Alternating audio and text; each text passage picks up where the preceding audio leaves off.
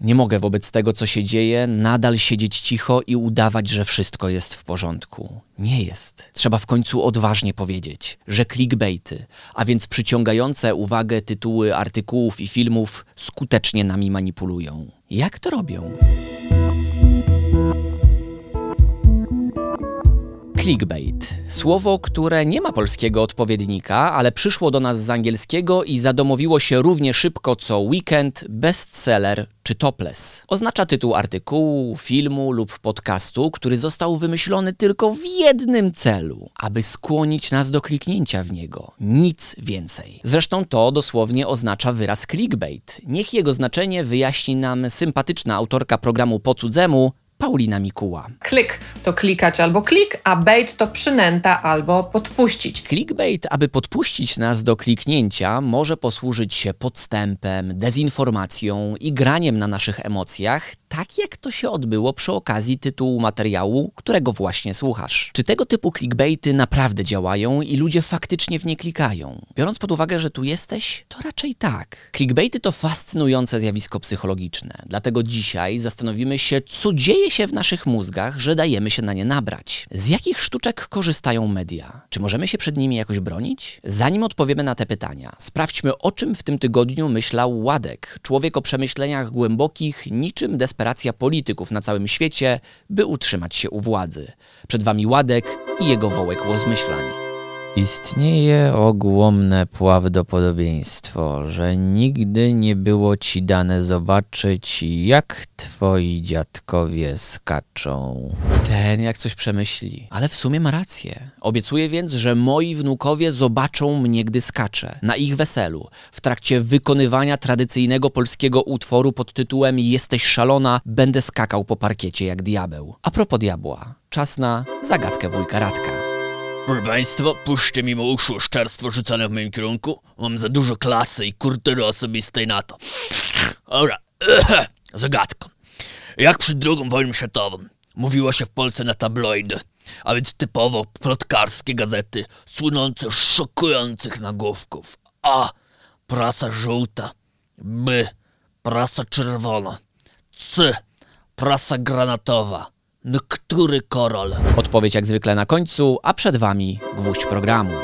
Czy zdarzyła Ci się kiedyś taka sytuacja? Uczysz się lub pracujesz sobie spokojnie przy komputerze, masz naprawdę sporo do zrobienia, szukasz więc informacji w internecie i nagle orientujesz się, że czytasz o Małgorzacie Rozenek, która zauważyła szokującą rzecz. Jak bardzo jej syn jest podobny do księcia George'a. I myślisz sobie, no faktycznie jest podobny, ale co się dziwić? Tu mama księżniczka i tu mama księżniczka. Do tego czeka na ciebie kolejny artykuł. Dlaczego jajko w Kinder Niespodziance jest żółte? Odpowiedź mieliśmy cały czas przed oczami. Sprawdźmy, no samo się nie przeczyta. A, okej, bo miało symulować żółtko jajka. Genialne! A tu co za łamiąca wiadomość? Dyrektor Wojewódzkiego Ośrodka Ruchu Drogowego w Białymstoku napisał na Facebooku, że kocha dwie kobiety jednocześnie? Aha, chodziło o żonę i córkę córkę. No ja myślę, bo to dla mnie bardzo ważna informacja. Efekt? Całą twoją robotę szlak trafił. Porwała cię pętla clickbaitów. Aby zrozumieć, czemu tak się dzieje, musimy powiedzieć sobie jasno, kim jesteśmy dla współczesnych portali internetowych. Znawca mediów, Ryan Holiday,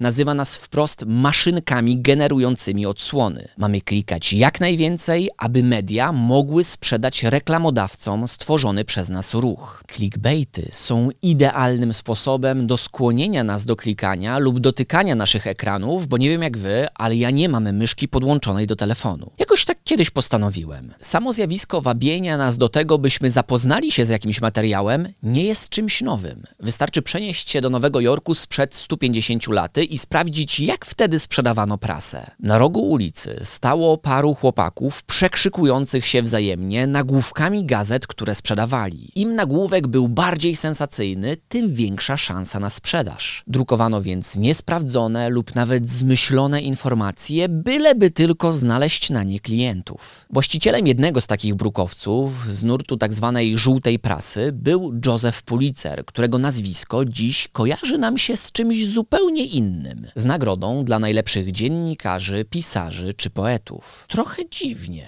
To tak jakby bokserzy, zapaśnicy i zawodnicy MMA z całego świata pragnęli co roku zdobyć nagrodę imienia Marcina Najmana. Owszem, to jest sympatyczny facet, ale coś tu nie gra. Zresztą w tych nagrodach literackich to nie ma co szukać logiki. W Polsce na przykład najlepszym pisarzom jest wręczana nagroda Nike. Nike? Co ma firma produkująca ubrania sportowe do pisarzy? Że piszą szybko te książki? Sprawnie? Że pocą się przy nich? Pewnych rzeczy chyba po prostu nie zrozumiemy. Na przykład, gdy układam skomplikowane puzzle i ich ułożenie zajmuje mi góra 4 miesiące, to dlaczego na opakowaniu napisane jest od 3 do 5 lat? Komu zajmuje to tak długo? Potrafię natomiast zrozumieć, dlaczego ludzki mózg łapie się na clickbaity. W latach 90. profesor George Levenstein opracował teorię tzw. luki informacyjnej. Chodzi o to, że pomiędzy tym, co wiemy, a tym, co chcemy wiedzieć, jest niewiedza. Luka czasami przepaść. Gdy zdamy sobie sprawę z własnej niewiedzy, to często jest to dla nas nieprzyjemne i gdy ktoś zaproponuje nam zasypanie tej luki łatwym sposobem,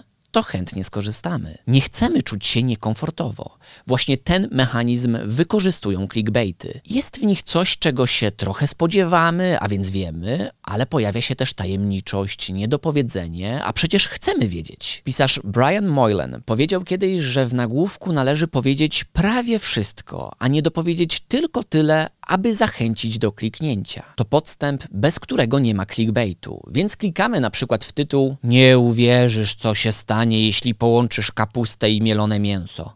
No ja wiem, co się stanie. Gołąbki się staną. A jeśli coś innego? A może to wybuchnie jak kolej mentosy? Sprawdzę, kliknę, przecież niewiele ryzykuję. Chuj jednak gołąbki. Niby jestem zły, że się naciąłem, ale następnym razem też się natnę. Dlaczego tak się dzieje? Świetnie tłumaczy to neurobiolog Robert Sapolski w swojej książce. Chodzi o to, że przyjemne nie jest dla nas dowiedzenie się, co się stanie, gdy połączymy kapustę i mielone mięso, ale samo oczekiwanie na treść artykułu. Wtedy w naszym organizmie dochodzi do wystrzału dopaminy, co my odczuwamy jako przyjemność i pobudzenie. Liczy się więc sama pogoń za przyjemnością, a nie jej skonsumowanie. To prowadzi nas do ważnego wniosku. Dla mojego mózgu czy Twojego nie ma większego znaczenia, że tytuł jakiegoś artykułu, filmu czy podcastu obiecuje coś, czego ten materiał potem nie dowiezie.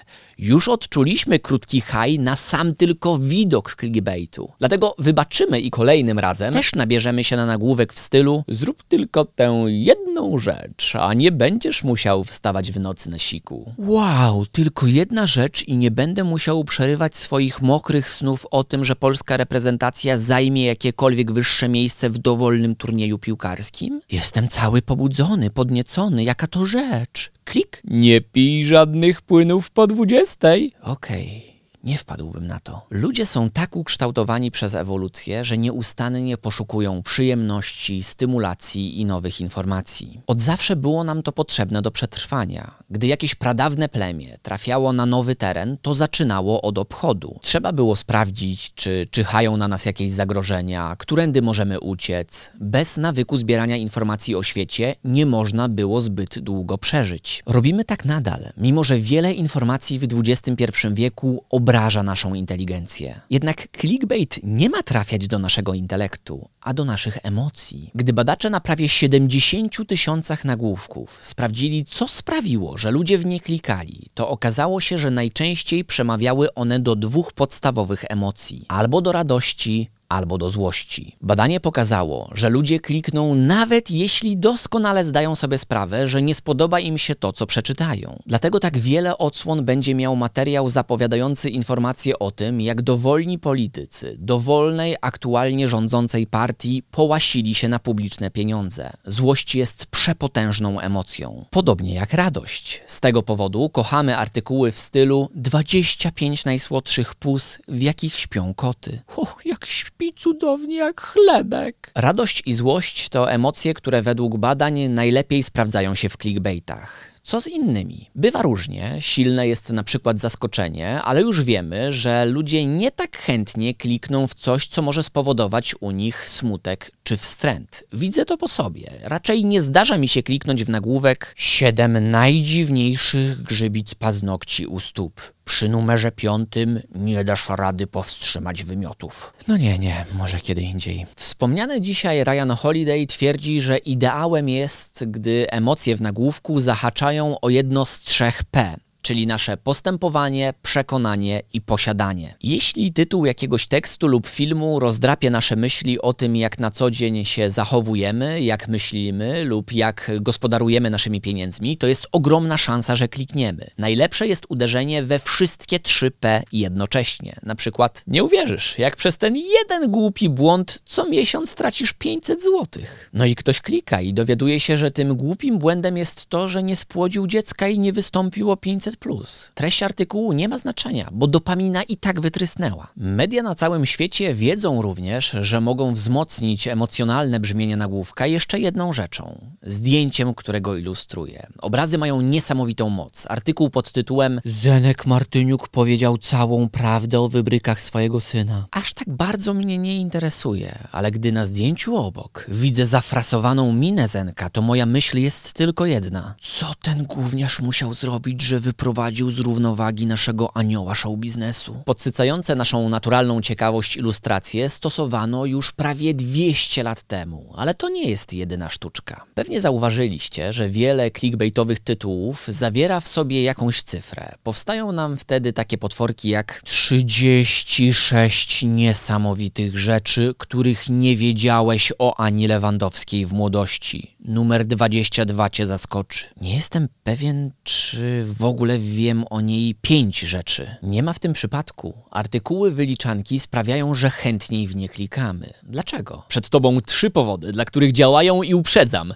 Numer trzy cię zaskoczy. Po pierwsze, psychologowie uważają, że wszelkiego rodzaju listy i wyliczenia przyciągają czytelników, bo dają złudzenie upraszczania skomplikowanej treści. Zamiast czytać specjalistyczne teksty o przemianie materii, diecie i właściwych ćwiczeniach, lepiej przejrzeć siedem prostych sposobów na płaski brzuch bez wstawania z fotela. Po drugie, wiedząc, że czeka na ciebie wyliczanka składająca się z trzech, pięciu czy siedmiu elementów, możesz przewidzieć, ile czasu musisz zaangażować w słuchanie czy też czytanie jakiegoś materiału. I w końcu po trzecie, zawężenie tematu, a więc danie odbiorcy mniejszego wyboru i odebranie mu wolności, paradoksalnie przyniesie mu ulgę. Brzmi to dziwnie, bo przecież zawsze chcemy mieć wybór, prawda? Jednak współczesna psychologia stoi na stanowisku, że całkowita wolność wyboru działa na ludzi paraliżująco. Dobrze opisał to kiedyś profesor Jordan Peterson. Ma on w zwyczaju udowadniać tę tezę, pytając dowolnego słuchacza jego wykładów o to, czy zagra z nim w grę.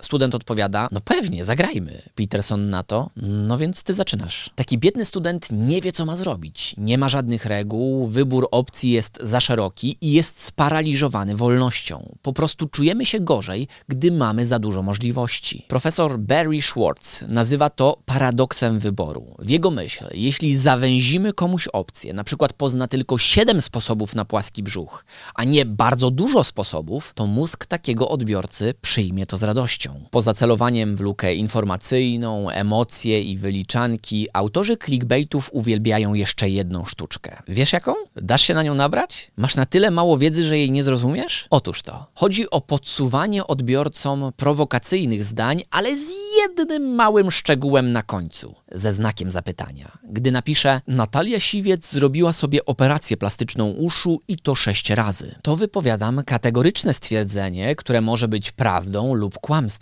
jeśli będzie nieprawdziwe, to podaję fake newsa i Natalia Siwiec może mnie podać do sądu. A tego bym nie chciał, bo Natalia była kiedyś twarzą polimatów. Długa historia kiedy indziej. Jednak gdy do tego samego zdania na końcu dodam znak zapytania i będzie ono brzmiało Natalia Siwiec zrobiła sobie operację plastyczną uszu i to sześć razy? To nadal przemycam tę samą treść, nawet kompletnie zmyśloną, ale nie stwierdzam faktu. Ja tylko zadaję pytania. W świecie dziennikarskim nazywa się to fachowo prawem Betteridge'a i oznacza, że na zadane w ten sposób pytanie odpowiedź brzmi nie, ale.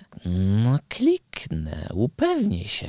Sporo osób zdaje sobie sprawę z trików stosowanych przez media, a mimo to klika. To, że uważamy się za inteligentnych ludzi w niczym nie pomoże, bo clickbaity i tak działają. Nie tylko w portalach informacyjnych czy plotkarskich. Instytut Psycholingwistyki Maxa Plancka udowodnił ostatnio, że tytuły artykułów w poważnych pismach naukowych, jeśli są budowane zgodnie z zasadami clickbaitów, o których mówiliśmy, to przyciągają znacznie więcej czytelników niż te o standardowych tytułach. Dlatego niedługo możemy mieć rozprawy naukowe pod tytułami takimi jak Założę się, że nie uwierzysz, jak profesor Schubert zmasakrował teorię budowy geologicznej płyt tektonicznych wysp japońskich. Zobacz memy. Skoro clickbaity są tak rozpowszechnione i działają, to dlaczego tak mnie denerwują i ciebie zapewne też? Głównym powodem jest to, że obiecują zbyt dużo, a dowożą mało lub nie dowożą wcale. Są trochę jak niektóre modelki lub modele, którzy mają cudowne ciała, ale pioch w głowie.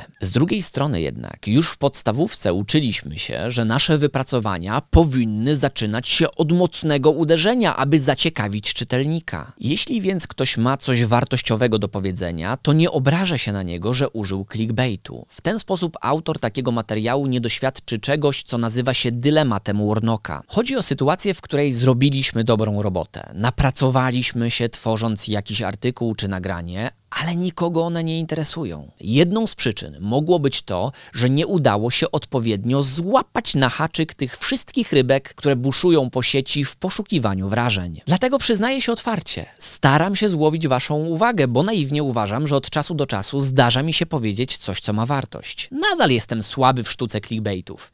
Weźmy pierwszy z brzegu tytuł mojego filmu. Ile godzin snu tak naprawdę potrzebujesz? Słaby tytuł. Powinien brzmieć na przykład... e, O, mam. Światowej sławy ekspert od snu oszukał miliony osób. Sprawdź, czy ty też dasz się nabrać. Wow, niezłe. Sam bym w to kliknął, mimo że robiłem ten film. Zadanie na dzisiaj jest proste. Napiszcie w komentarzu, czy zdarza wam się nabrać na clickbaity. Co wtedy czujecie? Jeśli słuchacie tego w formie podcastu, to po prostu o tym pomyślcie. Ja tymczasem dziękuję wam za dzisiaj i do zobaczenia w kolejnym odcinku, który to na pewno, ale to na pewno Was zaskoczy. Została nam jeszcze prawidłowa odpowiedź na zagadkę wujka Radka, tym razem to B.